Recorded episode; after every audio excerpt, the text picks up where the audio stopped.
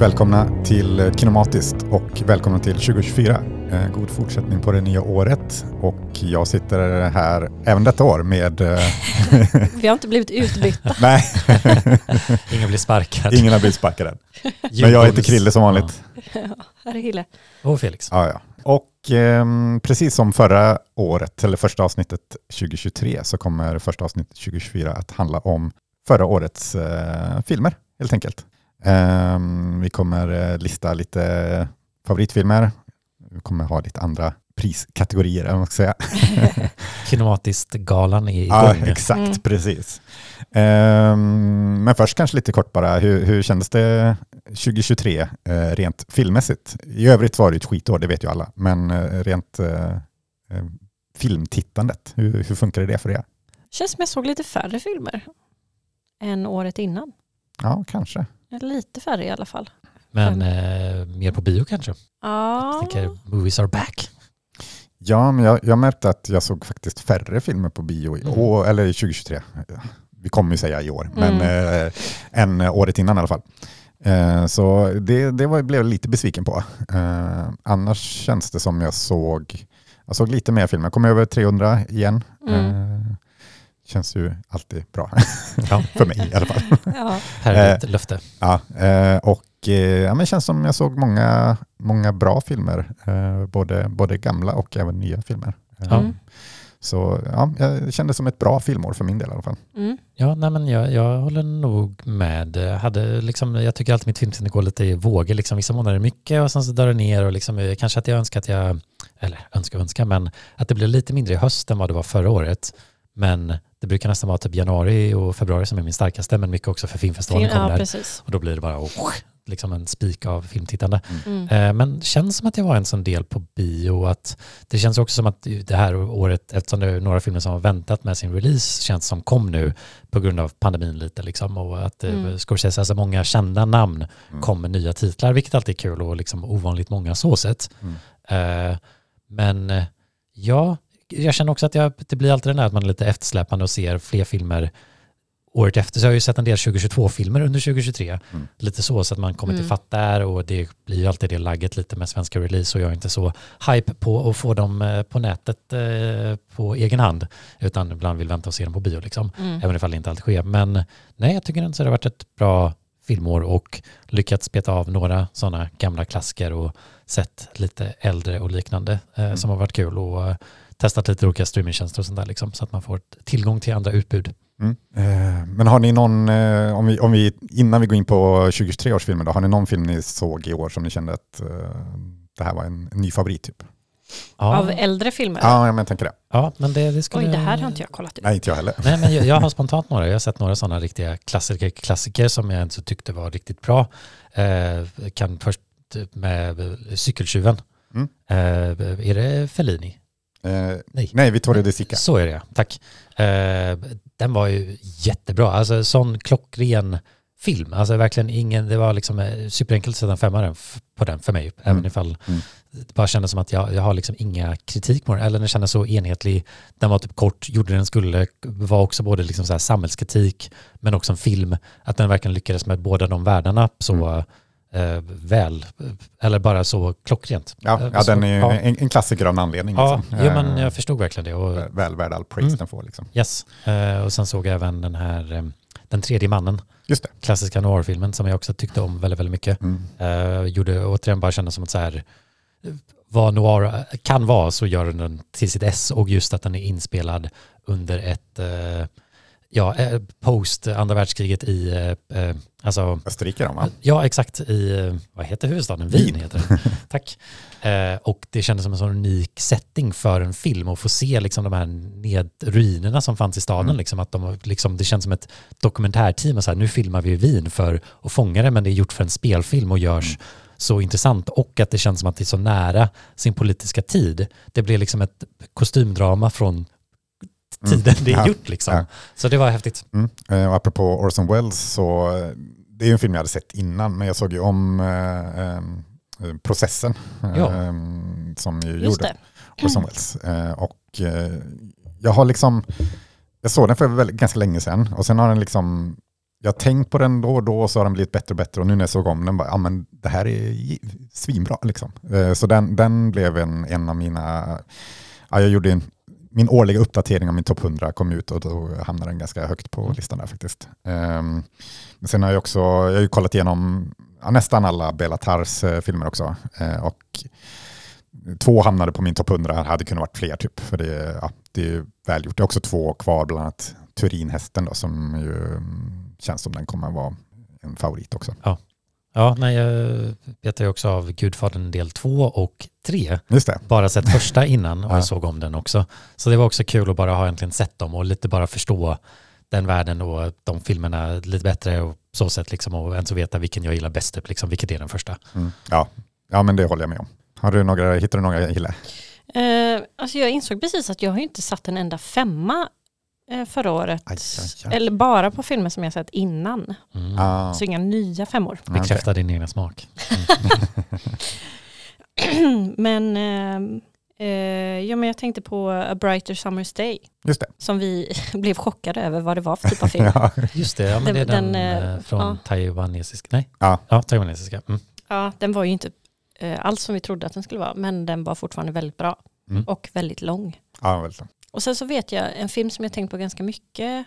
Eh, den här um, Metamorphosis of Birds. Just det. Såg jag den? Ja, det tror jag du gjorde. Ja, det gjorde jag. Just det. Ja, det gjorde du. Du gillar den inte lika mycket som jag Nej. gjorde. Men, eh, Jag tror inte jag var i rätt mode för att se den. nej, men den var väldigt artsy. Det var ju mest, liksom, det var inte jättemycket dialog. Det var väldigt mycket stilla fotografi Mm. och musik. Och, Ja, den var väldigt eh, vacker bara. Den var väldigt fin. Mm. Så den, eh, ja, den satte sin pränt på något sätt. Ja. Och sen tänkte jag också på Sunset Boulevard, att jag inte hade sett den innan och såg den och Mm. tyckte den var väldigt bra. Apropå noir-filmer. Mm. Har du sett den Felix? Nej, inte. Nej, Nej, och- det, med ja, 2024 års noir-filmer. ja, ja, alltså jag tror det finns många 40-tals noir-filmer som jag skulle gilla. Eh, Mm. Såg ju också den eh, All About Eve för första gången. Och det var Ja, också den vill jag se. riktigt sevärd, underhållande, bra film. Liksom. Eh, Så att, eh, ja, det, det skulle vara kul. Det ska, det, om man skulle göra sådana filmlöften du gjorde förra avsnittet så Mm. se mer 40 och 30-tals filmklassiker eh, och 50-tal för den delen. Men det, Mm. det finns väldigt många underhållande filmer där som jag, bör, man börjar, alltså, man tänker att de ska, inte, att de ska vara typ på mer av ett annat sätt. Men sen så är det så många som fortfarande känns moderna och underhållande på ett sätt som man inte förväntar sig. Mm. Eh, Ja, jag är också svag för den där roliga rappa dialogen som det ofta Yes. är i de filmerna. finns väl en screwball-komeditypen där och det, det är ju också någonting jag älskar i filmer som gör det nu. Ofta varför jag tror jag gillar, har gillat en del av Noah Baumbach och Greta Gerwigs filmer för att de har lite den tonen Mm. i dialogen liksom. Mm. Eh, och man bara, det är ju klart att de inte har hittat på det. Nej. Liksom. Nej, Men man, man tänker att det är det- någon modern feature liksom. Ja, men därför tycker jag fler borde söka sig bakåt i filmhistorien för att hitta, alltså det, Mm. det kan vara kul att uppskatta, eller upp- upptäcka liksom eh, ens nya favoriters Mm. eh, liksom, bakgrund och Exakt. eh, inspiration. Mm. Ja. Jo men Mm. verkligen. Och man börjar förstå sånt lite bättre. Såg ju den här Louis Buñuel-filmen eh, Belle de Jour. Eller, det. Och det vet jag var någon inspiration till Poor Things som jag nyligen såg. Så det känns kul också att kunna lite förstå Mm. Bara filmhistoriskt vad de plockar ifrån. Liksom. Eh, det gör en så, som att det blir, filmtiden blir lite rikare Precis. när man också har fått den grunden liksom, f- från vad alla andra tar, står på redan. Mm. Liksom. Jag vill också bara innan vi går vidare på till eh, 2023 års filmer så vill jag bara nämna eh, Celine and Julie Go Boating också. Mm, det. Eh, Jacques Rivets eh, film som är eh, en del liksom franskt 60-tal eh, trams och en del typ så här lynchigt mysterium typ. Mm. Eh, och en väldigt märklig och bra blandning av det. Vad eh. tror du jag skulle tycka om den? Tror du jag skulle gilla den? Ja, men jag tror nog det ändå. Mm. Ja, jag vill se den. Ja, men eh, en, en väldigt lång film, över tre timmar, men också väldigt underhållande och väldigt så här, bara crazy, fast på ett bra sätt. Mm. Men jag kan varmt rekommendera den. Men ja, med det sagt så kanske vi går in på årskrönikan då, eller Yes. Kinematiskt-galan, eller vad vi nu kallar det. Ja. Eh, vi kom ju överens om, eh, innan vi går in på våra topp, respektive topp fem filmer, så kom vi överens om några kategorier som vi tänkte beta av. Ehm, ja, så vi kör väl igång med det helt Ja. enkelt. Ja. Ja. Eh, jag vet inte, kan vi börja på en high note ändå med årets överraskning då kanske? Mm. Eh, Hille, vad skulle du säga där? Jag, jag tyckte det här var den svåraste av... Samma här. Ja, så jag har, Ja, men då är det bra, vi betar av den direkt. jag har skrivit två eh, som var överraskningar på väldigt olika sätt. Eh, så den ena är Total Killer. ja, jag funderade på det. Alltså. ja, För det är ja, en skräckkomedi, kan man väl säga. Ja. Ja, Absolut. eh, med Kiernan Shipka i Mm. huvudrollen. Och jag gillar henne väldigt mycket. Det är hon som spelar bland annat då Sabrina i Sabrina, den nya Sabrina. Ja, och Sally i Mad Men. Dottern till Don ah, just det. Jag har inte sett Mad. Men. Så jag har inte den Mm. referensen. eh, men det var bara så här, alltså när vi satte på den så tänkte man ju, okej den här kommer ju vara väldigt dålig. Eh, kanske underhållande men på ett väldigt, Korkad 20-tals slasher. Liksom. ja precis. Men den var förvånansvärt rolig på ett bra sätt. Mm. Den, är, ju- den är ju en del i den här nya vågen också av att ta gamla filmer med en gimmick och göra om det till slashers. Ja. Den här är ju tillbaka till framtiden fast Mm. liksom slasher. teenage slasher istället. Ja, det, det låter i och för sig rätt kul om man lyckas med det. Mm. Eh, bara liksom, Ja, nu senast kom ju A Wonderful Knife till exempel som är ja, Wonderful Life fast eh, ja, slasher då. Ja, vad hade vi mer? Det var ju, Ja men det är ju den här um, Freaky heter den väl. Ja, just det, Ehm, som skulle vara Freaky Friday. Fast, eh, Vince Vaughn blir en tonårstjej och en tonårstjej blir en Mm. seriemördare. Liksom. ja. Ehm, så det, det, Det är en liten trend på sistone. Ja. Ehm, Men ja, Eh, den andra ja det, överraskningen var då Poor Things. Mm. För att eh, jag fortfarande inte vet vad jag tycker om den. Mm. och jag var på något sätt väldigt inställd på att jag skulle gilla den jättemycket eftersom att eh, jag gillar hans filmer väldigt mycket oftast.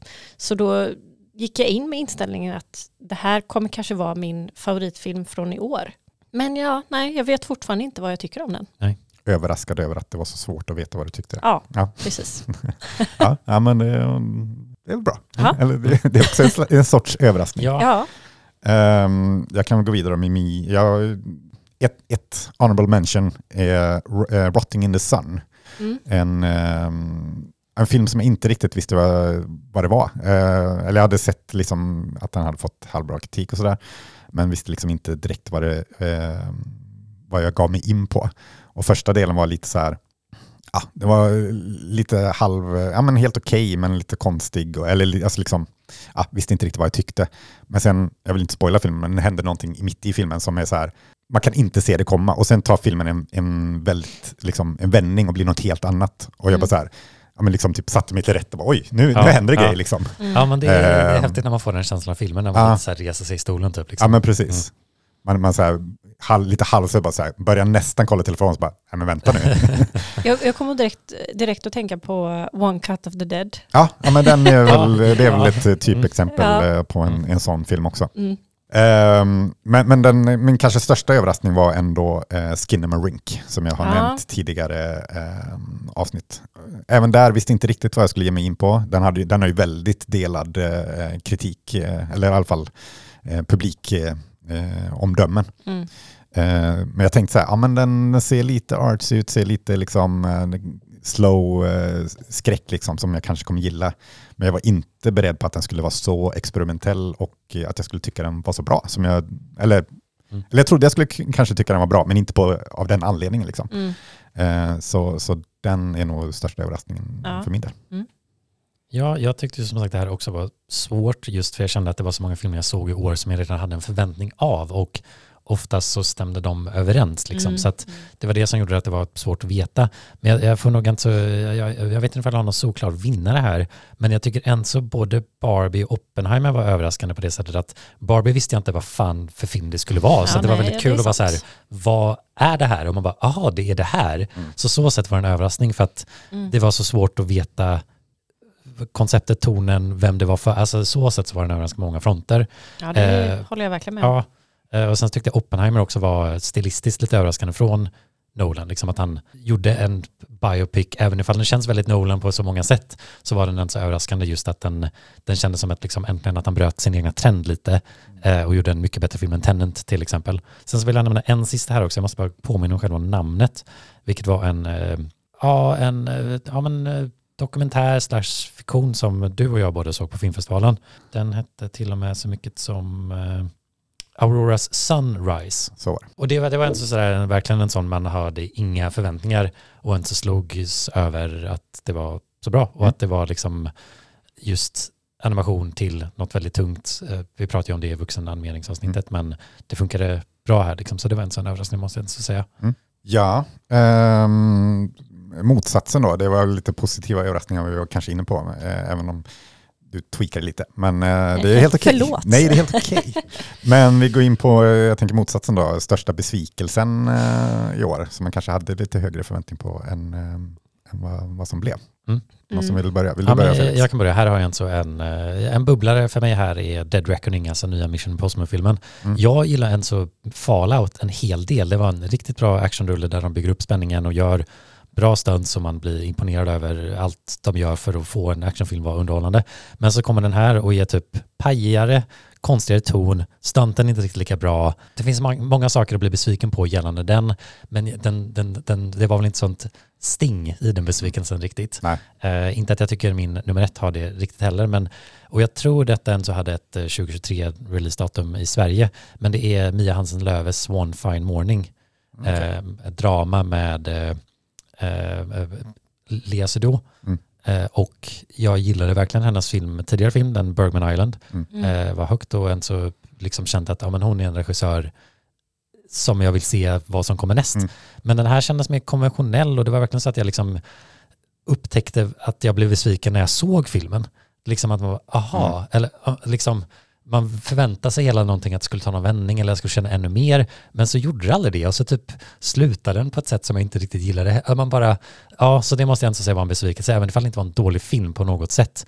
Mm. Skådespelet var inte dåligt, men det bara klaffade inte. Den, den, den, det blev bara en besvikelse när jag ens hade mer förväntningar om att jag skulle... Det kändes som att det skulle kunna så lätt varit en fyra, Mm. men det blev en tre. Mm. Vad känner du Hille? Besvikelse? Ja. Eh, ja, men jag har skrivit två här också, men eh, ja, den ena kanske inte är så rättvis. Jag var inte så besviken över den. Men eh, eh, det får väl bli Priscilla då, som vi såg igår. Ja. För eh, alltså jag gillar ju verkligen Sofia Coppola. Så det var verkligen en besvikelse att den inte var så bra som jag trodde den skulle vara. Eller jag vet inte om jag hade någon, jag hade ingen jättestor förväntning på att den skulle vara jättebra. Mm. Men jag hade nog ändå en förväntning på att den skulle vara bättre än vad, vad den var. Mm. Samtidigt så tänker jag också att ah, det är väl jättesvårt att göra en film om det här när hon fortfarande lever också. Jag vet inte, hon har varit med och gjort den och jag vet Mm. inte, det blir lite så här, det känns som att det kan vara känslor som går emot varandra väldigt mycket. Mm. För att den målar ju verkligen inte upp Elvis som en bra person. Eh, det gör den ju verkligen inte. Nej. Men ja, nej, jag vet inte, det känns svårt Mm. att göra en film rätt balanserad när det handlar om det här. Mm. Eh, men jag vet inte, jag tror den största besvikelsen var nog ändå att jag tyckte att hon som spelar Priscilla var en så otroligt dålig skådespelare. Ja. Ja. Ja, jag, om jag får kapa Ja, lite här. ja, så jag, jag funderar på om jag skulle ha den i besvikelse eller i en annan kategori som kommer till sen. Mm. Men jag valde den andra. Eh, Men jag håller med om att det var, ja men den lyfte liksom aldrig. Jag, jag, så jag väntade på att den skulle komma igång. Ja, Eh, tycker eller, jag tänkte lite så här, eh, Baz Luhrmanns Elvis som kom för, ja, för förra året då, eh, var ju, kändes som en trailer hela filmen. Och, men den här känns också som en trailer på något sätt, fast en så här arthouse-trailer typ. Mm. Alltså det känns som, eh, man bara väntade på att filmen skulle börja typ, men sen var den slut. Ja, precis. Och då blir slutet inte så kraftfullt Nej. heller. När mamma sa, jaha, Ja. eh, okej, Ja. det var så den slutade. Jag tänkte också lite på, men just som du sa att hon inte spelade så bra, jag tycker inte han var så bra heller. Nej, Ehm, Jacob Elordi. Ja, jag tyckte det kanske blev... lite överspelande. Ja, det blev mest en, en, en. SNL-sketch nästan. Ja. Alltså en karikatyr av Elvis mer än Mm. att försöka spela en, en människa typ. Skitsamma, sidospåret deluxe. Ja. Eh, vilken var din eh, andra besvikelse? Mm, det var inte jättestor besvikelse. Det var bara att eh, jag kanske förväntade mig att jag skulle älska den här eftersom att jag älskar nästan alla andra filmer som jag sett av honom. Eh, och det är A Fire av eh, Christian Petzold. Ah, ser Jag jag. gav den en trea för att jag kände inte så mycket mer än så för den. Mm. Det, eller det fanns vissa element i den som jag gillade väldigt mycket och jag gillade på något sätt ändå slutet. Men Och det här, alltså det är klart, han har ju gjort andra filmer med osympatiska karaktärer i huvudrollen, men vet inte, jag vibade inte så mycket med den här osympatiska. Nej, jag, jag förstod det när vi såg, eller jag, Ja. jag, nej, alltså jag, ja, inte förvånad. Nej, nej, det gjorde inte så mycket med för mig. Men så Det- kanske mer, mer, eh, mer att höga förväntningar än en dålig film. egentligen. Ja, ja, det är det definitivt. Jag hade alldeles för höga förväntningar på den. Ja, det är väl lite Mia Hansen-Löve-effekten Mm. för mig också. Eller, Mm. Effekten. jag gillar det. Det låter verkligen som en... en Fr- Från och med nu så är, om man har höga förväntningar och blir besviken då är det Mia Hansen Löve-effekten. Ja, ja, men för jag kan säkert relatera till det också, för jag älskade ju Bergman Island, men Mm. jag har ju inte sett Nej. den som du såg nu. Men jag kan ju tänka mig att jag skulle få liknande Ja, men jag kände det när, när en, en tidigare film som jag gjorde, som jag tror vi såg, som innan vi såg Burman Island, men som jag också så här, hade hört mycket om henne och tänkte det här kommer säkert vara bra, och så bara, äh, nej. Mm. Då var det Mia Hansen Löve-effekten på Mm. den. Ja. Ja. Eh, min, mina besvikelser, eller en, eh, en bubblare till största besvikelse var eh, Barums. Eh, Ja. Som jag alltså, hade hoppats mer på. Jag, jag så här, hoppades att jag skulle liksom verkligen connecta med den, eller connecta är fel ord kanske, det, det är ju kanske inte en film för mig Men egentligen. humorn. Men, men jag, jag, jag hoppades att det skulle vara lite en ny Booksmart typ, alltså, eh, som jag ja, men kunde ha kul, kul med. Men, Mm. men den föll, alltså skämten föll platt liksom. Ja. Eh, och, och från start och, och då liksom var det svårt att komma upp eh, till en nivå som jag tyckte var bra efter Mm. det. Så nej, eh, det var synd för jag hade hoppats att det skulle bli liksom en, en favoritkomedi från året, men Mm. verkligen inte. Sånt som man vill se om flera gånger. Ja men typ. Mm. Ehm, men nu vill jag aldrig se om det. Nej. Eh, men, men kanske min största besvikelse, eller jag vet inte, det här tyckte jag var en svår kategori, eh, Mm. för vad är en besvikelse? Liksom. Men det, den här eh, eh, El Conde, eller Greven, eh, som kom på, eh, eller som, en, en Netflix-film, som eh, en bra premiss eh, med, med Augusto Pinochet som lever vidare fast eh, för han är en vampyr. Eh, och väldigt snygg, i snyggt svartvitt foto. Och så här, det kunde varit en, en, en rolig liksom, vampyrkomedi, eller kunde varit en läskig vampyrskräck, eller kunde vara en bra satir, eh, politisk satir, typ, men det blev inget av det. Så det var så här, kändes bara som en bortkastad premiss. Liksom. Ja. Ehm, Speciellt alltså just att kanske använda det. Det, det, det är synd att det blir en dålig film just med tanke på att ämnet är ju ganska allvarligt liksom. Ja, ja, ja men Ja. precis. Och jag, eh, jag är inte så insatt i liksom. Chile, Chiles politiska historia. Men, men jag såg någon som, eller jag, så, jag har sett att chilenare tyckte att det var också ganska, liksom, eh, eh, ja, inte bra helt enkelt. Mm. Eh, Så, så ja, nej, jag, jag hade inte jättehöga förväntningar på den, men, men liksom premissen lovade något bättre än vad det blev. Eh, ska jag gå vidare på ehm, roligaste filmen då kanske? Mm. Eller ja, bästa komedin helt enkelt, Mm. eller där man har skrattat mest åt, Ja. tänkte tror jag, vi, i alla fall. Jag, Jag tror vi har samma. tror också vi har samma.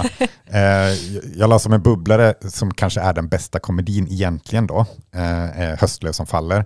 För den är kanske en bättre film än den jag har som den roligaste. Och det får väl ändå klassas som en komedi, Höstlöv som faller. Men det, Dramakomedi i alla fall. men den jag skrattade mest åt, som, som sagt jag tror också du har den, det är Theater Camp. Japp. Eh, den skulle kunna vara med på överraskning också.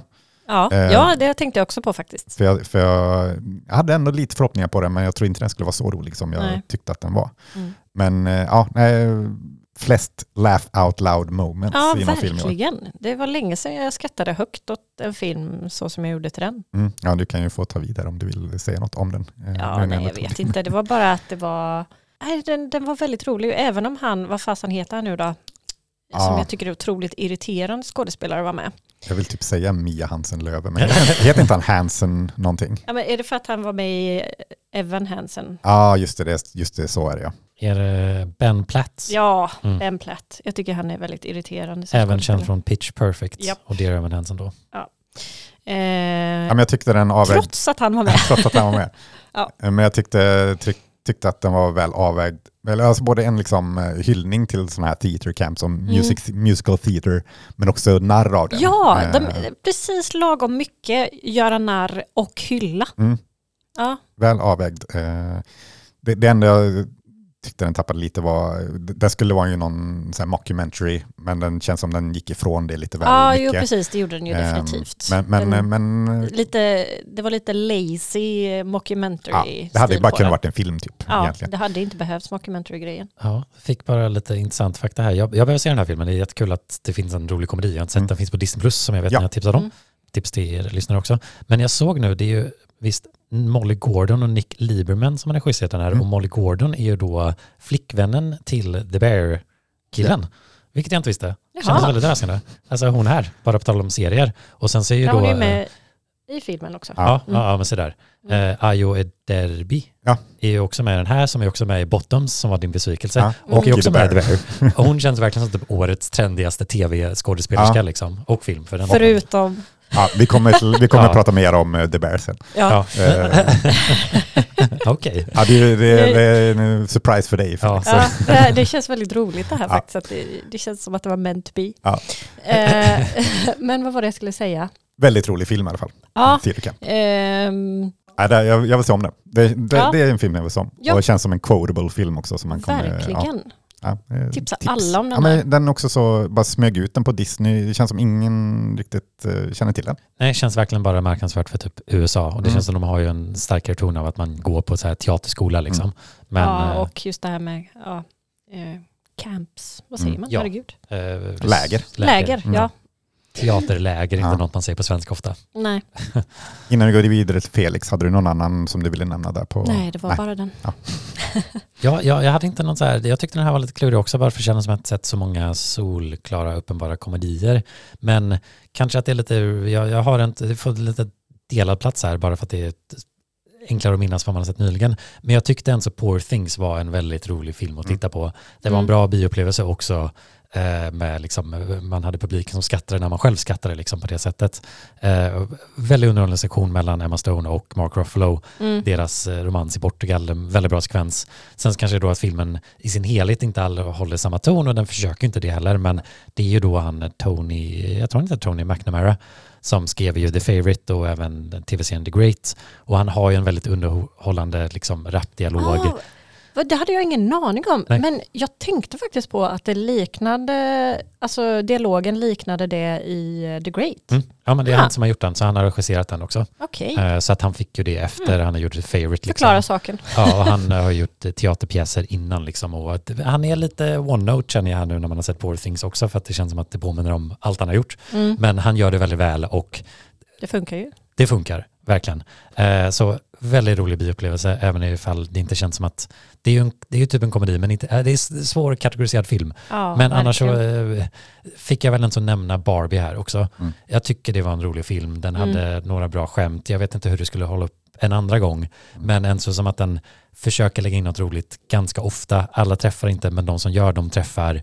Eh, och att den är bara, den känns mer som en underhållande film också med sina musikalmoment och sånt där liksom. Mm. Så, och Ryan Goslings eh, rollporträtt är också väldigt roligt. Så Ja. att det, det, det kanske är en så Barbie som får ta det bara som eh, ren, renare komedi. Mm. Än, men Poor Things ligger nära i huvudet just nu och Mm. det var också en väldigt rolig film att titta på. Ja, det är verkligen svart komedi och verkligen motsatsen till svart komedi. Ja. Om man får eh, Ja, Barbie också och typ Poor Things. ganska liknande med att de har så här, båda två naiva karaktärer som ska ut i världen Ja. Mm. och två roliga assholes att titta på om man ska kalla Ja. Ken en asshole. Mm. Ja, Eh, men faktiskt. ja. De Ja. är, de är lik, mer lika än vad man tror. ja, Jag faktiskt. såg väldigt många som jämförde dem i Ja. eh, recensionsdelen av Det är en bra double bill.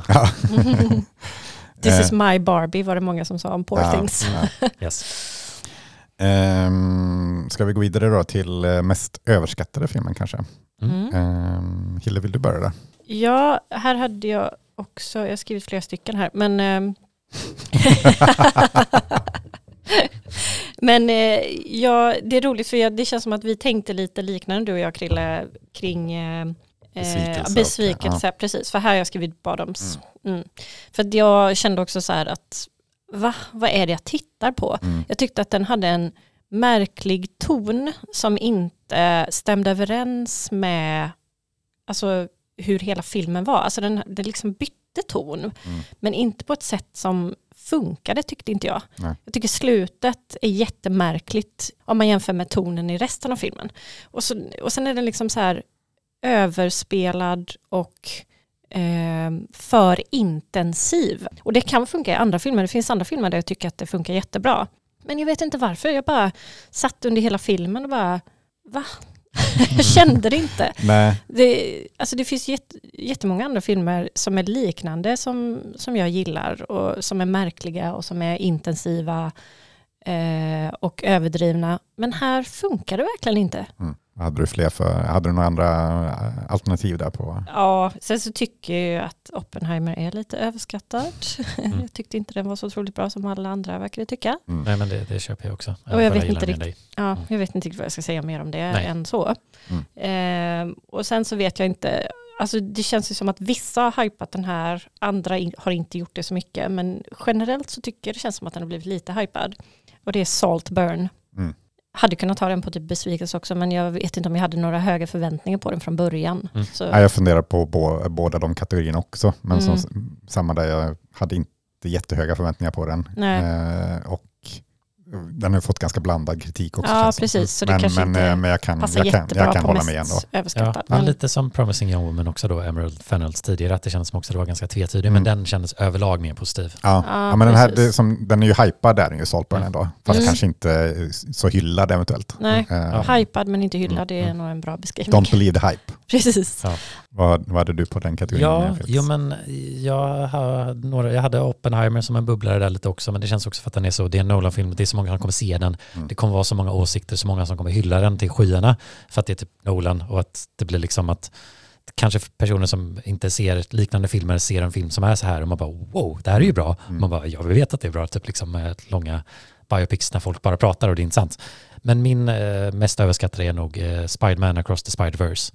Mhm. Jag tyckte den har fått så himla mycket bra kritik Mm. från så många olika hörn och källor att, och jag tyckte den var en frustrerande film att titta på Mm. med hur den är upplagd och att den är en del ett och Ja.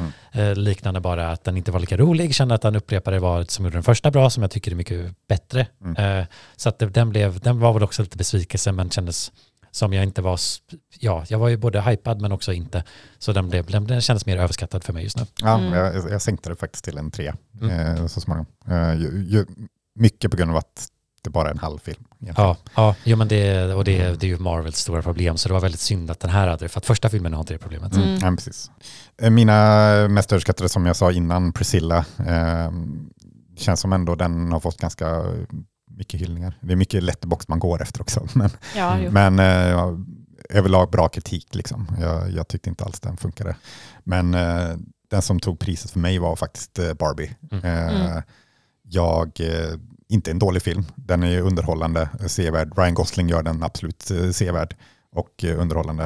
Eh, Men jag tycker, tar man bort honom så känns det som, då har den inte så mycket. Och jag tycker liksom att den skulle vara någon viktig film för mänskligheten typ, kan, kan Ja. inte köpa. Eh, och hela det här med att Mattel står bakom ger en lite dålig eftersmak, Mm. tycker jag. Mm. Ehm, Ja, men det, det köper jag också. så jag, jag, kan, jag, så jag förstår varför folk gillar den och jag tycker inte det är en dålig film. Men eh, jag tycker inte den eh, Men det- förtjänar all den nej. praise den får. Nej, alltså jag tycker ändå att det är bra att den på något sätt verkar ändå fått ganska många eh, att bli feminister tänkte jag Ja, säga. ja. Nej men det verkar ändå som att det har öppnat upp ögonen för en del människor som Mm. inte eh, har varit så pålästa eller liksom tänkt på de här sakerna innan. Mm. Så det tycker jag att den gjorde Mm. väldigt bra eh, ifrån sig på det planet. Och i och med Men, att det också är årets mest sedda film, liksom. i Ja. alla fall inkomstbringande. Ja, och det tänkte Mm. jag också, den fick ju folk att gå på bio och alla filmer som gör det, gör fler, och återigen, det här är inte en dålig film, men gör fler dåliga actionfilmer så folk går på bio, så att biograferna finns kvar. Liksom. mm, Så eh, alla filmer som eh, får folk får att gå folk på bio. är, bra, är bra filmer i, på ett sätt. ja. Mm. Men eh, en kategori kvar har vi. Mm. Eh, och det är bästa skådespelarinsatsen. Mm. Eh, Felix. Ja, Du får det börja. här var också svårt att bara liksom sätta en på. Jag, jag har många bubblor här, jag kanske inte kan gå igenom alla riktigt, men det är svårt att inte vilja nämna alla. Typ, liksom. Eh, men eh, gud, jag börjar väl bara med vad jag tror är min eh, nummer ett helt enkelt, Mm. och det är Paul Mescal från Aftersun. Okej. Eh, jag tycker alltså, det är nog den rollinsatsen och eh, karaktären som har suttit mest med mig sen jag såg filmen. Liksom. Mm. Och det går väl också hand ihop då hans eh, liksom, eh, partnerskap med dottern, alltså Frankie Cor Mm. Corio. Ja, Corio. Eh, som de gör väldigt väl och får agera så naturligt men att man köper det men att det finns Ja, jag vet inte. Jag blev slagen bara hur naturligt det kändes liksom, Mm. på något Mm. sätt. Och gött att en film får med i två årskrönikor i rad. Ja. Eh, Men jag vill bara snabbt, snabbt nämna några Ja. till här också. Eh, Jag vill säga Emma Stone i Poor Things, Japp. alltså hennes bara fysiska rollinsats och var den här naiva mansbebisen, håller på att säga, Mm. men eh, vuxna bebisen. Kvinnobebisen. Kvinnobebisen. Men inte van att säga det. Nej. var väldigt underhållande och hon är ju bara en bra skådis. Eh, sen så gillar jag Colin Farrell i Banshees of Inisherin Mm. som Paddy, spelar den här Mm. naiva eh, personen som jag verkligen köpte, kändes olikt honom. Eh, gillade också då Ryan Gosling och Mark Ruffalo i, kändes likt en roll, jag satte ihop dem. Eh, sen så också hunden Messi i Anna Maria Anna Maria Fall. Eh, värd en shoutout eh, om man har sett den filmen. Du snor alla mina Ja, shoutouts. jag tänkte säga, jag hade också Ja, tänkt ja, säga men det. Ni, ni får säga det också. Eh, sen så Lily Gladstone och eh, Tang Wei från Decision to Leave också. Lily Gladstone är ju då i Killers of Flower Moon. Mm. För då har jag nämnt alla mina bubblare. Det var många. Ja, det var svårt. Det var Eh, svårt. Ja, jag, jag hade inte riktigt valt. Jag, jag tänkte slänga in en, en vad säger man, left field eh, val och Mm. ta Messi hunden, men nu nämnde du honom så då, då får jag ta mitt eh, andra val då egentligen. eh, nej, men, eh, jag tycker, ja, Emma Stone eh, också, Lily Gladstone har jag också praisat tidigare avsnitt. Men, eh, ja, men min första plats får faktiskt eh, Charles Melton i May December. Mm, jag har inte sett den än. jag tycker, alltså det, ha- han, han spelar så liksom, eller jag vet inte, det, det är extremt svårt att förklara varför det är en så bra insats, men han gör den så bra. Han spelar liksom, den här för, eller liksom eh, inte förtryckta, men liksom eh, undanhållna känslor, liksom så här nedtryckta känslor och eh, när de väl kommer ut på något sätt så blir det så bra. Ja, nej, jag, jag tyckte han var otrolig i den filmen. Mm. Eh, hoppas verkligen han får en, åtminstone en nominering för bästa biroll.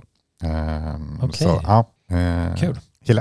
Mm. Oväntat val Ja, men jag skrev eh, Lily Gladstone Mm. och hunden i... Messi. ja, precis. Mm. Nej, men jag bara tycker att Lily Gladstone gjorde verkligen ett svinbra jobb i Mm. Killers of the Flower Moon. Och det kändes som att det inte... Det var det första som jag kom att tänka på. Och sen när jag kollade igenom lite så tänkte jag, nej men det är nog ändå det. Ja, Mm. ja, det nej, men- känns som att jag, jag hörde en intervju med henne rätt nyligen och det känns också som att filmen inte skulle vara filmen den var utan henne för att hon har ju fått med alla andra eh, native americans också fått med att influera filmen som den var och Mm. jag vet liksom berättelser hon berättade om sina släktingar informerade, informerade eller påverkade hur de gjorde vissa scener Mm. och liknande liksom att eh, och hon har en sån grundande känsla i den filmen liksom. Mm, Så, verkligen. ja. Bra val. Mm. Eh, men eh, då ge oss an the main event, våra topp fem eh, från året. Ja. We'll be right back after these messages. So, as you know, the autopsy report is uh, inconclusive about the cause of death. Stop. I did not kill him. That's not the point. ja, då går vi in på våra eh, listor över våra favoritfilmer från 2023. Då.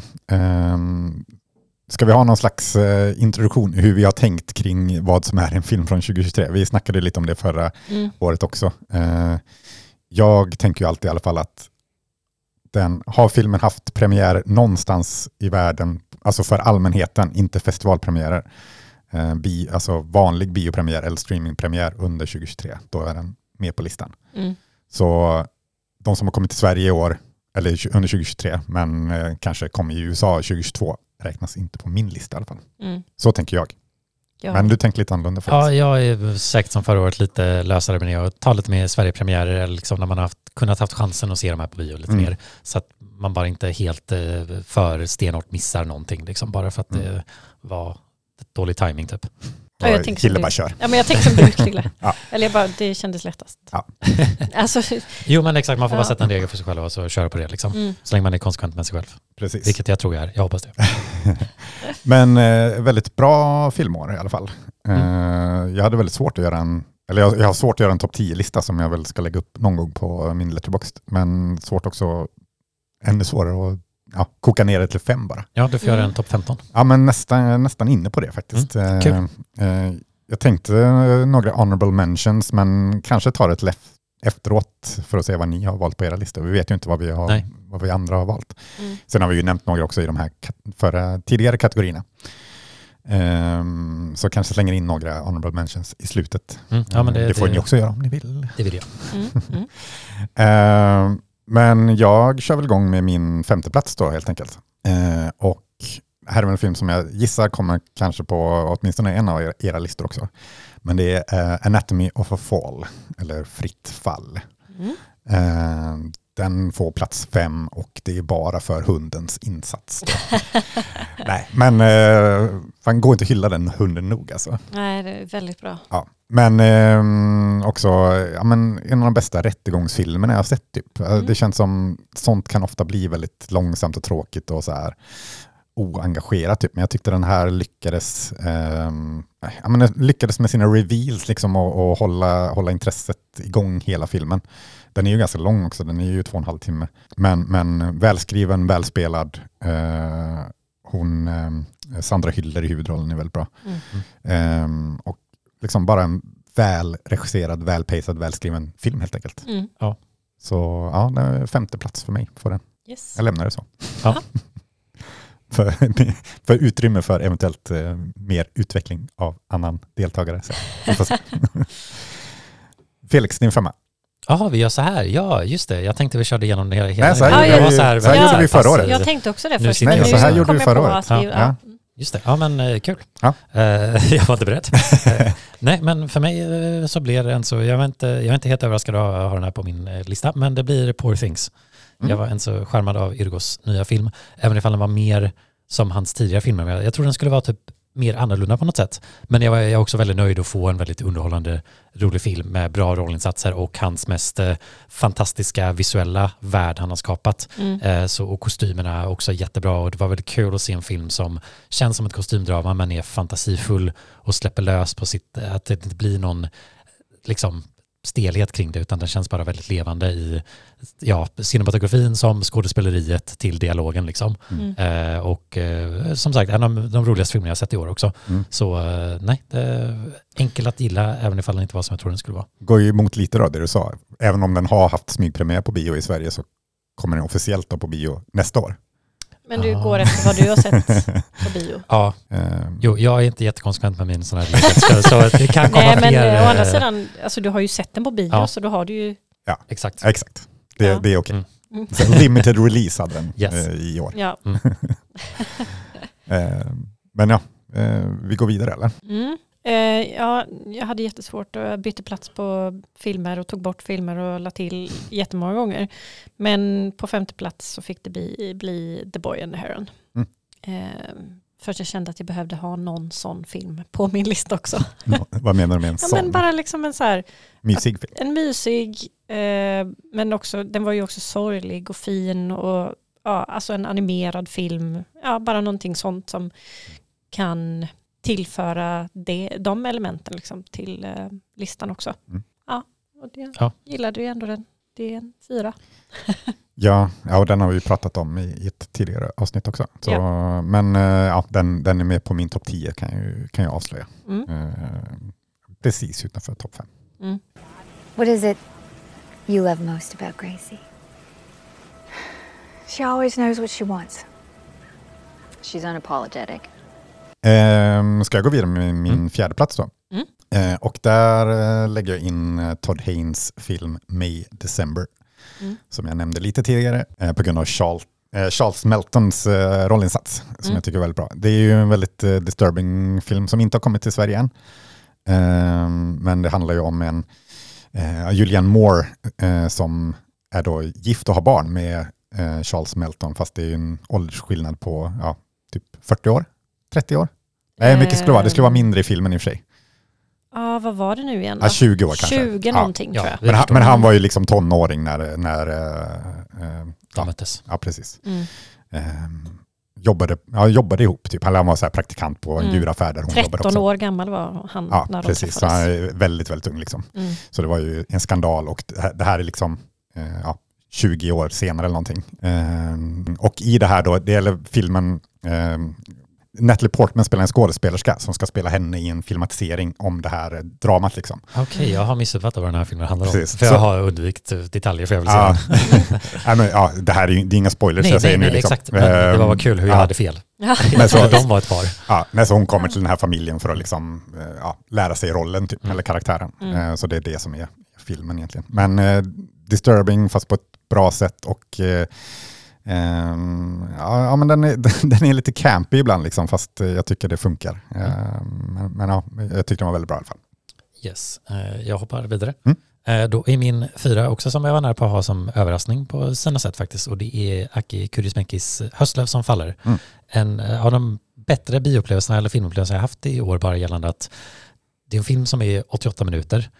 Den gör jättemycket, den är jättemysig att titta på. Den har humor, någon satir och en, liksom en värld i sig med att den har den här finska miljön men man märker att den inte är helt eh, liksom modern. Eh, liksom det är svårt att avgöra tiden samtidigt som man har så här på radion i filmen eh, återkommande så här kriget i Ukraina så att det blir den här liksom liksom dissonansen men på ett Mm. intressant sätt liksom över så här när utspelar sig den här Ja. Eh, och sen så de här tra tragikkomiken i det här kärleksparet som inte lyckas träffa varandra och deras jobb och livet generellt sett. Bara en väldigt mysig film och också väldigt rolig stundvis och har också en väldigt fin hund Mm. eh, som alltid hjälper. Så att ja, nej, bara en väldigt härlig film att få hänga med i en biosalong liksom.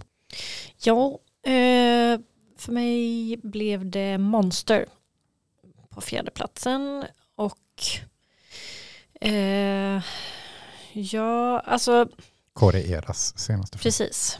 Och jag, jag tänker att alltså den har ett ganska gjort grepp. Alltså det känns som att filmens, alltså hur det här med liksom att man får följa de olika karaktärerna och se vad som hände genom deras ögon och hur de har upplevt det och alla har upplevt det lite olika och så här och man vet inte vad som stämmer och vad som har hänt och så vidare. Och ja, det känns ju ganska gjort. Men jag är lite svag för det greppet, så för mig gör det inte så mycket. Eh, också trots att den har en sorglig queer-berättelse som också känns lite, ska man säga, lite gammaldags eller lite så här, mm, trope, ja. Det måste vara sorgligt för att det är en queer-berättelse. Mm. Eh, men trots det så tyckte jag ändå om den. Eh, ja. Han vet ju vad han gör. ja, han, är, han är ju en, han är ju en kapabel regissör, man han är, sagt ja, han är ju verkligen det. Och jag har haft lite blandade känslor kring hans filmer. Eller jag har haft lite olika betyg. Alltså, vissa har jag inte gillat alls och andra har jag gillat jättemycket. Mm. Så det, det kan gå väldigt mycket upp och ner där. Men jag kom ändå fram till att jag gillar den här. Mm. tror inte att ni gillar den lika mycket. Nej, det var också en film som jag gick in och sänkte nu faktiskt när jag kollade på. Men den ligger där mellan tre och fyra för mig. Mm. Men det är väl problemet med honom är väl just, ja men lite som du tänkte med Petzold där tidigare med A Fire. Mm. Just att man jämför med hans tidigare filmer som Ja. eh, är enligt mig i alla fall betydligt bättre. Typ Shoplifters, uh, Our Mm. Lady Sister ja, med flera. Yes. Ehm, och då, då blir man lite mer kritisk på något Ja, sätt. ja, men det, det känner jag absolut. Jag är nog lite mer kritisk för att jag, han har gjort filmer jag gett femmer till. Mm. Men det kanske också är för att jag gillar den här mycket bättre än vad jag gillade Broker. Ja, det kändes som Ja att men jag det, höjde här. det det också. håller jag med om. Det håller jag också med om. Ja. I was right. This is why I hate parties. That was a disaster. Total disaster. Speak for yourself. I was having fun. Eh, ska jag gå vidare? Ja. Plats tre är vi uppe ju nu va? Mm. Eh, och jag väljer en eh, spansk film av eh, Victor Erice, eller hur man nu uttalar hans efternamn. Eh, och det är en regissör som gjort, eh, han har gjort bara två i, riktiga spelfilmer egentligen tidigare. Eh, eh, Spirit of the Beehive som kom 82 och El Sur som kom 10 år efteråt. Så det är första riktiga långfilmen på 30 år. Eh, och Vad har han gjort emellan? ja, har- han verkar vara lite av ett svart får i spansk eh, film, eh, spanska filmindustrin. Eh, svårt med att få budget och så. Ja, El Sur blev ju liksom kapad. Den är ju inte ens klar egentligen, den filmen. De Nej. avslutade den mitt i typ.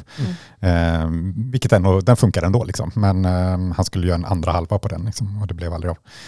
Eh, men den här, eh, det, är- det är någon slags, eh, liksom, det är nästan som en så här, kriminalare typ, eller så här, Mm. mysterium fast förpackad i så här, slow drama kostym typ. Eh, det är en, en skådespelare som har försvunnit eh, mitt under en filminspelning. Eh, vad är det, 30 år tidigare va? Eh, på 90-tal, nitt- ja, 20 år, 20, 25 typ. Ja. Eh, eh, och nu, eh, ja, det är någon slags eh, så här cold case eh, på tv som ska göra något avsnitt om honom då. Och regissören till den här filmen som han försvann ifrån blir involverad i det. Mm. Men, eh, nej, men jag tyckte den var, var väldigt vacker och väldigt liksom, eh, ja, det fanns väldigt mycket djup i den kring åldrande och eh, minnen och, och, och så vidare. Um, jätte, jättesnygg film helt enkelt. Mm. Eh, också roligt, jag tänkte på det i filmen, det känns som många filmer som har en film i filmen, så ser filmen i filmen så dålig ut. Alltså det är så här, Bara det är så, för att man ska fatta att det är en film. Ja, men typ. Ja, det, är så, det är verkligen att eh, inte ha så höga tankar om tittaren. ja, men jag exakt. hatar när de gör så. Ja, men i den här så var ju så här, för första scenen är, är liksom från den här filmen då, och det står typ så här, eh, utanför Paris 47. Eh, och när, när jag, så började, jag fick så här kolla bara, men, men det, var inte det, här, det var väl inte det här det handlade om? Ja, jag blev också förvirrad. Ja. Är det här filmen? Har jag laddat hem med rätt film? Liksom? Eh, men, för det var så snyggt liksom. Ja. Och, och jag älskade verkligen den filmscen, film Ja. i filmscenen. ja, jag med. Ja, men Mm. lite Ehm. typ eh, The Souvenir Part 2. Ja, men nästan. Ja. Eh, men sen alltså, ja, fortsätter den vara snygg liksom, och uh, gripen och bra. Jag, jag tyckte den var väldigt bra. Ja, men jag blev också så här, när man fattade att det var en film i Mm. filmen så bara, jaha, oj men det var ju så bra gjort. Ja, ja men precis. Det Eh, kändes, det kändes ehm, ja man kunde köpa det Ja. mycket mer än när man ser det på andra sätt och det alltid är som jag sa, det känns som att de inte har så höga tankar om tittaren, att Mm. man ska, det måste vara övertydligt att det är en film så därför gör de det dåligt. Ja, men typ. Ja, märkligt. Eh, men ja, en fin, han, den här regissören då liksom försöker följa ledtrådar till vad, Mm. vad som kan ha hänt med honom, för man vet inte liksom vart han har försvunnit. då. Men eh, ja, väldigt bra film tycker jag. Mm. Kul att han är tillbaka. Efter, efter två, två riktigt bra filmer på Mm. 80 och 90-talet. Ja, jag börjar ångra lite att jag inte har med mig den på listan. Plats sex kanske. Ja, jo men alltså den är ju där, men det var som sagt svårt att Ja. bestämma sig. Men eh, vidare. Ja, här kommer då mitt kanske kontroversiella eh, årsinkluderande, för den här hade svensk biopremiär 2022, 25 december. Men jag såg den först den 9 januari 2023, så jag, ville inte, jag hade inte med den sist. Eller hade jag med den sist? Jag glömde dubbelkolla det. Det är läskigt. Krille borde veta. Ja. Jag kommer, vilken är? Ja, nu, ja, nu slår det mig att jag tror jag hade med den sist, eller hade jag inte med? Hade jag sett den för nyligen? Det är Decision to Leave. Nej, jag tror inte du har med Ja, den. puh, skönt, gud. I alla fall, Decision to Leave, en, eh, ja, av Park Chan-wook, är hans nya, ja, nästan typ neo-noir-film liksom. Eh, också en eh, detektiv, eller liksom mysteriefilm, men ganska myopisk och konstig på sina sätt och väldigt eh, intressant gjort tycker jag liksom i hans bildteknik. Liksom. Det finns en, eh, minns just väldigt väl en eh, jaktscen som är liksom filmat från så här första persons perspektiv. Mm. Eller typ andra personperspektiv. Ja, väldigt intressanta bildteknik, intressant story, bra skådespel. Jag blev verkligen indragen i dens visuella estetik och liksom att den, den är väldigt överväldigande men på ett så här intressant sätt för mig. Och känner att jag vill verkligen se om den filmen. Mm. Eh, Så nej, den, den fick eh, knipa tredjeplatsen här. Slutet är ju verkligen, alltså det tänker jag på ibland fortfarande. Ja. Det är så jävla hemskt och brutalt. Och, eller så här. Ja. ah, nej, det, det är svårt att få det ur sitt huvud på något Mm. sätt. Eh, ja. Gilles bronsplats. bronsplats. ja, men det fick bli eh, The Holdovers. Mm. Ja, ehm, jag trodde inte att jag skulle, skulle gilla den här filmen så mycket eh, som jag gjorde. Men, eh, men jag vet inte, jag tyckte bara att den var på ett sätt som man hade önskat att andra liknande filmer var.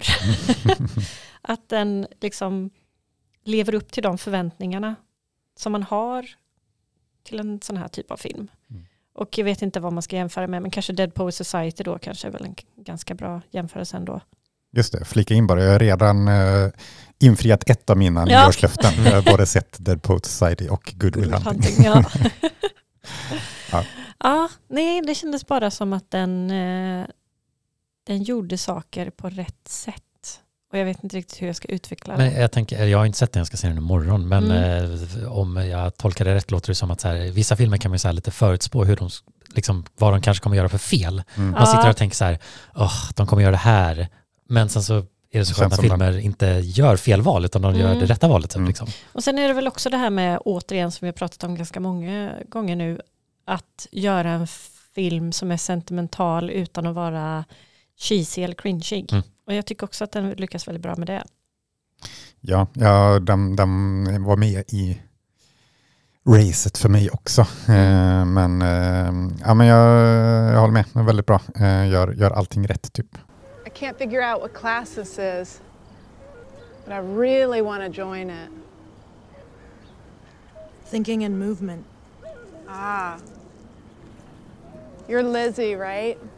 Ja, det är jag. Ja, Nej, vi är tillbaka till mig va? ja så var det. min, Förlåt mig. andra, min andra plats. Mm. Eh, och eh, det blir återigen ett eh, mysterium eh, förklätt i ett slow drama eh, kostym. Också en blinkning, till, eller blinkning, men eh, apropå Monsters eh, narrativa struktur. Mm. Men det eh, det går inte att säga det. Det här, det här är spanska uttalet, men det låter som man pratar gotländska när man säger typ. Men den heter Tränkelauken. Eh, eh, Är det med baskis typ? Ja, jag vet inte, men det är, det är så de säger i alla fall. I, eller det, i Argentina utspelar den sig. Ja. Kan Eh, du säga det mer på, eh, som Babben? Tränkelauken. men eh, ja, Tränkelauken heter den i alla fall. Eh, det är så de säger i filmen. Eh, så jag får köra på det helt enkelt. Men det är en fyra timmar och tio minuter lång film om en kvinna som också försvinner spårlöst faktiskt. Hon inventerar typ växtlivet i olika delar av Argentina. Och på någon resa så bara försvinner hon. Och hennes, eh, hennes äldre pojkvän och hennes kollega som också är, de har också någon fling ihop typ, ger sig ut tillsammans för att så här, leta vad som har hänt med, eh, ja, Mm. ta reda på vad som har hänt med henne. Eh, för den här eh, kollegan var med, när, alltså reste mycket tillsammans i jobbet då. Eh, så de försöker liksom eh, nysta i vad som hänt. Och om jag kommer ihåg rätt så först, först är det en del där man får följa den här äldre pojkvännens perspektiv typ. Och sen får man se eh, kollegans perspektiv och till slut får man se hennes perspektiv Ah, på vad wow. som hänt. Det Eh, här känns som att jag inte minns att du har sett eller pratat om det alls. Liksom. nej, det är en liten, liten dålis. Eh, och står som 2022 att den kom då, men eh, hade premiär eh, på bio 2023 runt om i världen. Eh, Eller knappt. Den delades också upp i två delar, så det, det är nog två distinkta del, eh, del ett och del två. Eh, nej men den är ot- otroligt vacker, välspelad eh, och det här mysteriet som blir märkligare och märkligare. Jag vill inte spoila för mycket. Det är också så här, ingen kommer se den här filmen. Ja, Men det är lite svårt att få tag på tänker jag. Men eh, också som sagt långsam men på ett bra sätt. Man, man måste liksom ge den tid typ. Ja, låter också som att den kanske använder sin tid väl i att den får tre olika perspektiv att utforska. Ja men precis. Mm. Och eh, man, man får återse scener liksom, eh, fast från annan, när man har Mm. mer information. Liksom. Mm. Tillfredsställande. Ja, ja, men väldigt bra. Och, och som sagt, vi sn- snackar om i Monster att det eh, berättartricket är lite gjort. Eh, och, men jag, är också en, jag gillar också Ja.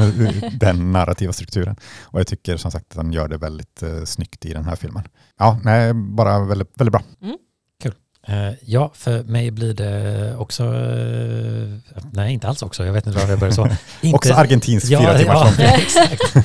Inte engelsk i alla fall. Utländsk kanske jag tänkte på. Men Mm. det blir för mig Pojken och hägen. Mm. Mm. The Boy and the Heron. Ja, den, den slog mig eh, genomgående genom filmen. Bara rent visuellt och musiken, speciellt också av Joe Sissi. Eh, eh, tyckte jag var eh, utöver det vanligt bra, liksom på något sätt och lite mer känslomässig. Eller jag connectade med den i alla fall. Eh, och såg nu två gånger där också. Så det, det. blev också att man verkligen satt sig in det. i världen och liksom eh, alltså, tänkt mycket på den. Liksom. Mm. Men nej, jag gillar den verkligen. Den, eh, ja, det, liksom, och just eh, hur den kopplar till att det kanske är Miyazakis sista film och lite teorier jag har hört om det. Att liksom, eh, att jag kan nämna kort där bara att det är lite intressant grepp att man kan tänka sig att pojken är Miyazaki, eh, eh, den eh, lite fadersfiguren i filmen är eh, alltså han som gjorde eh, Takanaka, alltså Grave of the Fireflies, liksom, Ah, som okej. var en äldre kompanjon som gick bort. Eh, och sen så eh, Hägen är typ en annan jobbar på Ghibli. Så att det finns ett intressant Jaha. liksom, metaperspektiv lite man kan ta på eh, filmen också som var intressant att eh, pondera över efteråt. Liksom. Mm. Eh, men eh, ja, eh, annars så liksom kanske jag inte tycker den har de mest karaktärsrika karaktärerna, eller karaktärsrika karaktärerna, liksom bara färggranna karaktärerna som man Mm. känner så här, åh vilken eh, perfekt... De inte eh, sticker ut så mycket. Nej, exakt. De känns lite mer anonyma, men jag tycker ändå så animeringen och storyn och fantasin, speciellt hur den Mm. presenteras, eh, slog mig hårt. Mm. Mm. Ja, eh, min tvåa fick bli Showing Up av eh, Kelly Reichardt. Jag är ju svag för henne. Mm. Hon, eh, ja, jag gillar ju verkligen hennes filmer. Och det kanske påverkade. Jag vet inte. Men, eh, men den var liksom lågmäld på ett sätt som jag verkligen gillar och uppskattar. Och den eh, men både gör narr av men också omfamnar eh, konsten och att vara på en konstskola på ett sätt som jag tyckte var väldigt bra balanserat. Theater Camp, var det den du pratade om? Nej. ja, det, men det, det finns någonting där, även om det är helt olika filmer Mm. så gör de saker rätt på ett liknande sätt. Mm. Tycker jag. Kanske något du kan relatera till lite också. Ja, jo, men verkligen. Jag gillade hur de målade upp den eh, konstskolan som hon jobbar på. Mm. Eh, eh, vad heter det, hennes karaktär? Gud, vad heter hon? Michelle Williams. Japp, som vi Mm. Ja, men- blandade ihop. Exakt, hennes roll heter, eh, glömma bort den andra personen. Carey Mulligan. Ja, tack. ja. Ehm, och sen så är det en fågel med också. Jag gillade den lilla delen av eh, filmen. Ja, nej, den, och den var väldigt snygg också. Och jag gillade den, nu kommer jag inte ihåg, det bara känns som att jag pratat om den här innan i podden. Kanske har nämnt den. Men vi pratar ju Ja. Kelly Reichardt. Ja, vi pratade lite Ja, om just det, hennes, eh, Ja, för jag tror jag nämnde att jag gillade också konsten som hon skapar i filmen. Mm, mm. Som är av en riktig konstnär som jag inte kommer ihåg namnet på. Det är kul. Och Andre 3000 spelar flöjt. Just det, ja, men det Har här de har vi ju hans, pra- eh, Nej, har han ju är med pratat i om filmen och Ja, spelar. ja, ja, okej. ja, ja. det här har vi ju pratat True om. to life. Ja, precis. Eh, ja, nej men eh, jag gillar också den väldigt mycket. Den är också precis utanför topp fem. Mm. I, I sista sekunden beslut så fick den halka ner lite grann. Ja. Men ja, väldigt, väldigt bra. Told you weren't supposed to pick them. I didn't. Nu kan jag köra min topp ett då. Ja. Eh, och eh, en film som vi har pratat om tidigare i eh, podden för väldigt länge sedan nu. Eh, men den höll sig hela vägen som nummer ett och det är eh, eh, Mark Jenkins Ennis Main. Mm.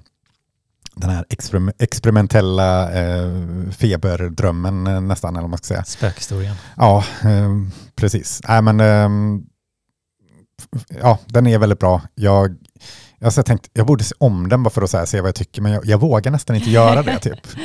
Eh, det är lite en sån film som så här, nej men jag vill ha kvar eh, just, ja, men just att vi såg den på bio, Bio, också under ah, filmfestivalen, gjorde, den gjorde sitt. Liksom. Gjorde verkligen ganska Och mycket. han var där. Och han var där efteråt, det var, ju- ja precis. Mm. Ehm, så ja, ehm, jag, jag vågar inte riktigt se om den. Nej. Ehm, jag, jag vill liksom ha kvar det minnet från när jag såg den då.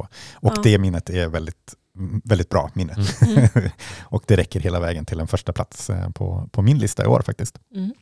Men, eh, ja, nej, men det var någonting med liksom, ehm, ja, men det, är- det är sällan jag liksom har fått, eh, ja, men snackar om det här när man börjar så här inse bara, oj, det här är ju svinbra och liksom eh, rätt, rätar upp sig lite i, i biostolen liksom. Och Mm. aldrig känt så starkt nästan, absolut inte på bio tror jag, men eh, kring en film liksom. Så Mm. det eh, en väldigt, väldigt bra upplevelse och eh, en film som ja, men var perfekt för mig i alla fall. Mm. Och som, som vi sa då, verkligen inte är för alla tänker jag. Nej. Det är en väldigt svår film med knappt någon narrativ, na- något narrativ eller någon struktur överhuvudtaget, utan det är mer Inte bara... mycket liksom- dialog heller. Nej, precis. Mm. Så eh, en, en svår film, men ja, jag ska väl vara lite svår, I guess. ja. Men eh, det, det är min bästa film 2023. Mm. Kul. Vill också bara slänga in förresten att Tränke Lauken eh, regisserades av Laura Citarella. Mm. Bara, jag glömde säga nästan. Ja. Eh, Men då kör jag Mm. min etta då och eh, det, det här eh, har väl redan varit en etta för det är Aftersun. Ja, just det. Mm. Jag såg ju inte den i tid för att kunna prata om den förra gången. Mm. Och jag misstänkte att så här, ja, den, den kommer nog gilla den här filmen när jag väl såg den och Mm. det gjorde jag. Och det känns faktiskt som en sån film som också har levt kvar länge. Liksom. Och det var väl lite det jag var inne på när jag pratade om bästa skådespelarinsats eh, av Paul Mescal där, och, men nästan också som sagt tillsammans med, eh, vad nu hette, hon hette Frankie Corio. Mm. Eh, men också bara just berättar tekniken och hur subtil den är och våga ta distans till liksom, den är så ouppenbar gjord liksom med att eh, det finns typ en scen och filma liksom reflektionen i en tv eh, som gör det väldigt intressant och fortsätta ha ett så här otydligt eh, perspektiv och man förstår det först senare och liksom att filmen är verkligen gjord. Den är väldigt väl uttänkt men det funkar eh, det här ganska ambitiösa manuset. Och jag har lyssnat på intervjuer med eh, Charlotte eh, Wells ja, som har gjort filmen och det var intressant att höra hennes process. Hon var väldigt eh, öppen med den liksom, och Mm. hur hon strukturerat och skrivit om det och det här var ju hennes liksom, filmskoleprojekt som hon sen gjorde till en film. Mm. Eh, Så det är ju också hennes debut, vilket är väldigt imponerande. Sen så gillar jag soundtracket av Oliver Coates, eh, ett lite mer ambient noisigt soundtrack som också passar väldigt väl. Det känns också som att det skulle kunna vara en sån här, ja, jag vet inte, den är sorglig men inte uppenbart så och typ mörk men också inte uppenbart så. Mm. Men också just någon realism till sin depressiva ton men samtidigt också väldigt eh, liksom, ja jag vet inte, nostalgisk men inte på ett liksom eh, förlöjligande sätt eller Mm. liksom förskönande för mycket. Eh, nej, det, det fick nog vara min toppfilm också. För det var din toppfilm va? Mm. Ja, två, var- två för ja, mig. två för så det är preaching to the choir här. Ja, Ja. Jo, men exakt. Eh, Ja, ni, ni som hörde förra årets Ja. avsnitt tänkte bara, vad, vad håller Hilde och Krille på med? Men nu har ju också Felix skrivit under på det här, så det, Yes. är, det är en bra film. exakt. Ja. Eh, är samstämmiga i det. En till påminnelse av er som inte sett den att Precis. sök upp och se den. Mm. Så Finns det fortfarande på cineasterna tror jag? Va? ja, och Mubi om man har VPN tror jag. Ja, Nej, det, ja det är du ja, kvar. Det är jag kvar. Ska vi inte hoppa över mig? Vad är det med dig? Sorry. Dissa mig. Ja, eh, ja, den här har vi ju redan nämnt då. Men det är Anatomy of a Fall. Mm. Ja, just det. För det här är ju den enda filmen eh, som kom 2023 s- som har eh, fyra och en halv som Mm. ett betyg från mig. Så det fick ju bli den som hamnade första. För det var det högsta betyget som Ja. jag satt av eh, förra årets filmer. Matematiken går ihop. Mm. Ehm, ja, men jag bara gillade hur den, ja, men, man vet inte hur saker ligger till i filmen och det görs på ett väldigt bra sätt, på det bästa sättet tycker jag. Ehm, det känns som att en sämre film hade avslöjat på slutet hur det egentligen låg till. Mm. Men det gör ju inte den här. Och det gör allt tycker jag. Ja. Och jag tycker även att det är Ja, men det är alltid imponerande, för det pratar vi om, eller när du sa det också Krilla, så att det är alltid imponerande när man lyckas göra en så bra fängslande rättegångsfilm också. Mm. Känns väldigt svårt. Ja, det känns svårt. Eh, men jag kände mig aldrig uttråkad. Jag var, ja, allt, hela, under hela filmen var jag väldigt fängslad av Också storyn. typ första gången man ser typ en fransk rättegång. Alltså de har ju ett annat system och eh, kläder och sånt där. Ja, jo, det kändes... Liksom, man är van att se det amerikanska så mycket liksom. Mm, Eh, Så det var, det var lustigt att man bara, vänta, hur gör de här liksom? mm. Hur går det till? Ja. Ja, nej, den, den slog väldigt rätt för mig. Och eh, ja, hon gör ju också jättebra, en jättebra skådespelarinsats tycker jag. Mm. Hyller. Mm. Eh, och ja, vi har ju redan nämnt hunden flera gånger. men det är en fantastisk skådespelarinsats av hunden också. Ja. Är det bästa användning av 50 Cents eh, Instrumentella version. också. Bästa 50 Cent i en Cannes- Cannes-vinnande film. Ja. Jag blir ju galen av att höra den så många Ja. gånger. Ja. Men det är, ja, Ja. ja, nej men den är väldigt proffsigt gjord, den filmen tycker jag. Verkligen. ja, Mm. kul att vi hade tre olika här också. Eller minus mig då, som var samma för Ja, er, just det. fast på ett annat sätt. Men ska man nämna lite Ja, honorable men det, mentions? det tycker jag absolut vi ska göra. Ja, ehm, det känns som, jag tror all, alla som jag har liksom strax utanför topp fem har vi nämnt i podden. Så jag, Ja, Ja, inte, inte för mig. Eh, jag har i alla fall med The Banshees of Inisherin. Uh, har jag med. Eh, Mm. Det tycker jag är en väldigt bra film. Uh, nära att komma med i topp fem. hade vi var väl med fem. på min topp Ja, fem. det var det. Ja, mm. Mm. Förra året. Yes, till jag inte såg In Time, men den hade svensk premiär mycket senare. Så den eh, på bio i alla fall. Så att där är sann till någon regel. Eh, sen har jag Anatomy of a Fall också med i min eh, topp. Mm. Nära att komma med. Mm. Bra film, vi har redan pratat om den precis. Tar har jag också med. Bra film, bra rollspel, rollspelinsats. Vill också nämna Godland, en av de vackraste filmerna jag Gud, sett i jag har år. fortfarande inte sett den. Nej, det finns på Draken. Mm. Streama. Och sen så sist en lite shoutout till Barbie också. Den fick, den fick jag inte så hänga med. Jag, jag bara fick för mig att den var på din lista, men det var den inte. Nej, det Var, den var med som roligaste. Ah, Nej, jag, jag, nej, jag, Ja. jag, var helt, jag har också så här, tänkt att den kommer vara med på Ja. Ja, jag hade ju eh, White Noise med. så- Ja, jag glömde ju att, du, att det är massa gamla filmer som du har med, så det var därför den försvann. Eh, ja, nej men eh, Höstlöv som faller var ju precis utanför listan också. Mm. Eh, men det har vi ju redan pratat om.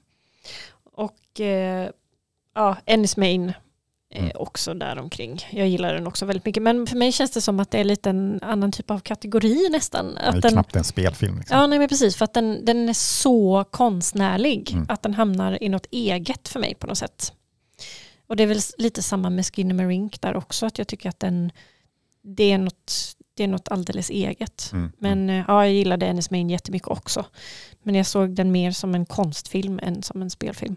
Förståeligt. Mm. Ja, som sagt, de som är strax utanför topp fem har vi pratat om nästan allihop. Eller ja, allihop som jag, som jag har med. Men jag, tänkte, jag skulle vilja nämna några som jag inte hunnit se än. Som eh, förmodligen, eller ja, som inte kommer komma med på min lista nästa år, men som jag kanske kommer Mm. se under, under året. Men eh, Zone of Interest till exempel ser jag ju Yes. mycket framåt. Mm. Eh, framåt. Kanske hamnar på min lista. Eh, Sandra Hyller, het, Sandra heter hon va? Men hon från eh, eh, Anatomy of a Fall är ju huvudroll, eller en av rollerna där också. Ja, Jonathan Glazers nya, han gjorde ju Under Precis. the Skin till exempel. Ja, Perfect Days också, Wim Wenders Mm. nya ser jag fram emot. Ja. Ja, det vill jag också säga. Ja, jag, den, den, känns- jag, jag hoppas att den är bra. Ja, den, den har, den är ju väldigt hyllad i alla fall. Ja, Så men den- ja, det bara kändes som att, den, den, att eh, från trailern så känns det som att det skulle kunna vara en sån film som går åt det sentimentala på fel håll. Mm. Mm. Men eh, ja, jag, Ja. jag, jag ser fram emot den också. Får se.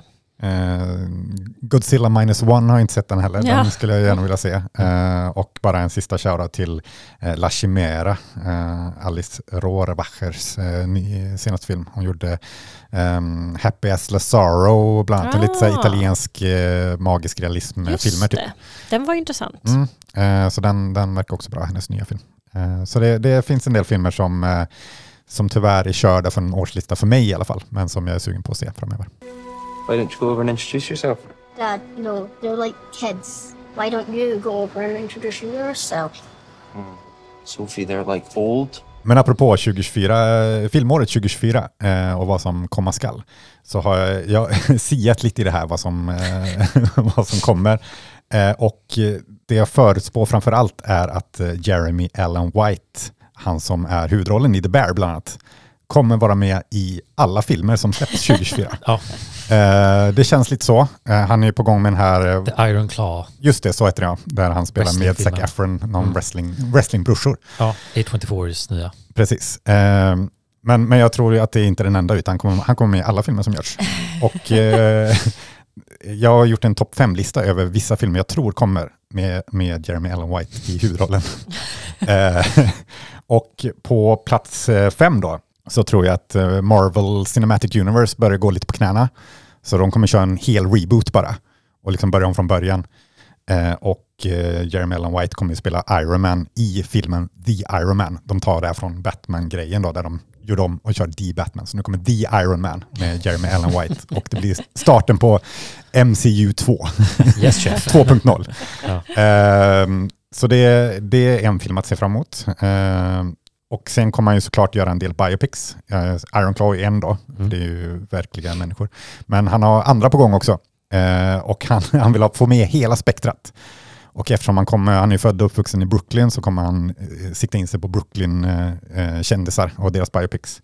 Och han går från liksom det mörkaste mörka med när han spelar Jeffrey Epstein i eh, filmen The Island.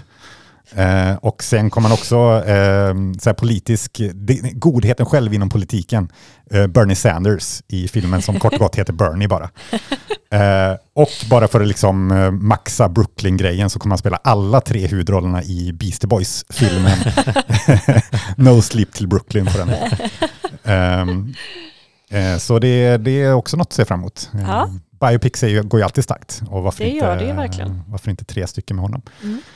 På ja, tredje plats, eller ingen plats egentligen, men eh, tredje filmen som att se fram emot med Jeremy Allen White är ju, Disney vill ju mm, sätta klorna i honom. Så i Pixar, eh, live action-remaken Ratatouille så kommer han spela huvudrollen där.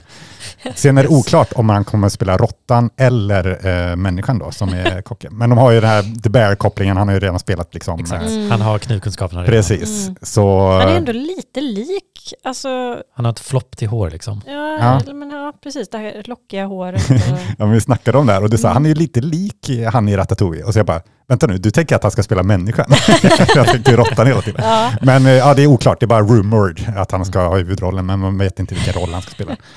Eh, Det, det, jag tappar så här, vänta, ska vi hända det här? Liksom, det, är liksom, det här är typ tredje Börjar gången. Så tro bara, på att det kommer va? hända. Vad är premissen det just nu? kommer hända. Jag, Ja. jag har spått i, siat i min det. eh, spåkula. Ja. Eh, på andra plats, eh, han måste ju få lite Oscar-bait också, spela lite liksom, eh, creddiga roller. Eh, och eh, Hollywood eh, gillar ju remakes av europeiska filmer. Så han kommer att spela eh, hunden i eh, Fritt fall-remaken Death in the Alps. Eh, för det var ju den bästa skådespelarinsatsen i den, så han ville ha liksom den, ja men den kommer han ge mig en Oscar. Så han, han Ja. spelar hunden i Death, Death in the Alps, som är en remake av Anatomy of a Fall. Ja. Anatomy of a Fall är lite för svår eh, eh, titel för amerikanska folket som Ja, förenklar lite. måste förenkla det. Ja. Mm. Vad är det egentligen? Jo, men det är en death in the Det är Alps. Death in the Alps. Mm. Men sen första plats, han är inte klar med Disney. De, eh, de har liksom i sitt grepp. Eh, och Disney är inte klar med Star Wars heller. Så han kommer spela eh, en, en prequel till alltihop. Och han kommer spela huvudrollen i filmen Young Yoda. Som kommer alltså spela Yoda i, i sina lite bråkiga ungdomsdagar tänker jag. Ja, det känns som en Ehm, roll som passar honom. Ja, Mm. men så det är några filmer att se fram emot eh, i, i 2024 som är Jeremy Allen Whites år. Eh, Ja. Det kommer det vara. Eh, man kan ju börja med att se Iron Claw kanske. Den det verkar lite intressant. ja, Ja, men jag är nyfiken på den. Ja. ja, sen hoppas jag någon av de här kommer. Ja, det kommer slå in. Mm. Ehm, men ja, det får vi se om någon av de här filmerna kommer med nästa årskrönika. Men nästa avsnitt blir i alla fall eh, ett djupare, djupare insyn på Poor Things. Ehm, Mm. Vi, har ju, vi känns som vi har pratat om den liksom under hela poddens existens Ja. nästan. Ja. Eh, jag kommer vi gjorde ju en eh, unaired pilot-avsnitt och då pratade vi om eh, boken eh, som den är baserad på. ja, just det. Ja, det var då vi pratade Ja. om det. Ja, för annars Så. har vi ju The Lobster. Precis. Eh, ja, men det känns som den har nämnts lite då och då. Och nu Mm. får vi äntligen prata ordentligt om den. Yes. Mm. Men det kommer eh, nästa avsnitt. Mm. Men nu lägger vi, ja inte riktigt eftersom den kom 2023, men eh, vi lägger årskrönikan, eh, Kinematiskalan. eh, Är över. Är över. Mm. Men eh, ja, med det säger vi väl hej då helt enkelt. Mm. Tackar för, för den här gången. Tackar för 2023. Hej då. Hej då!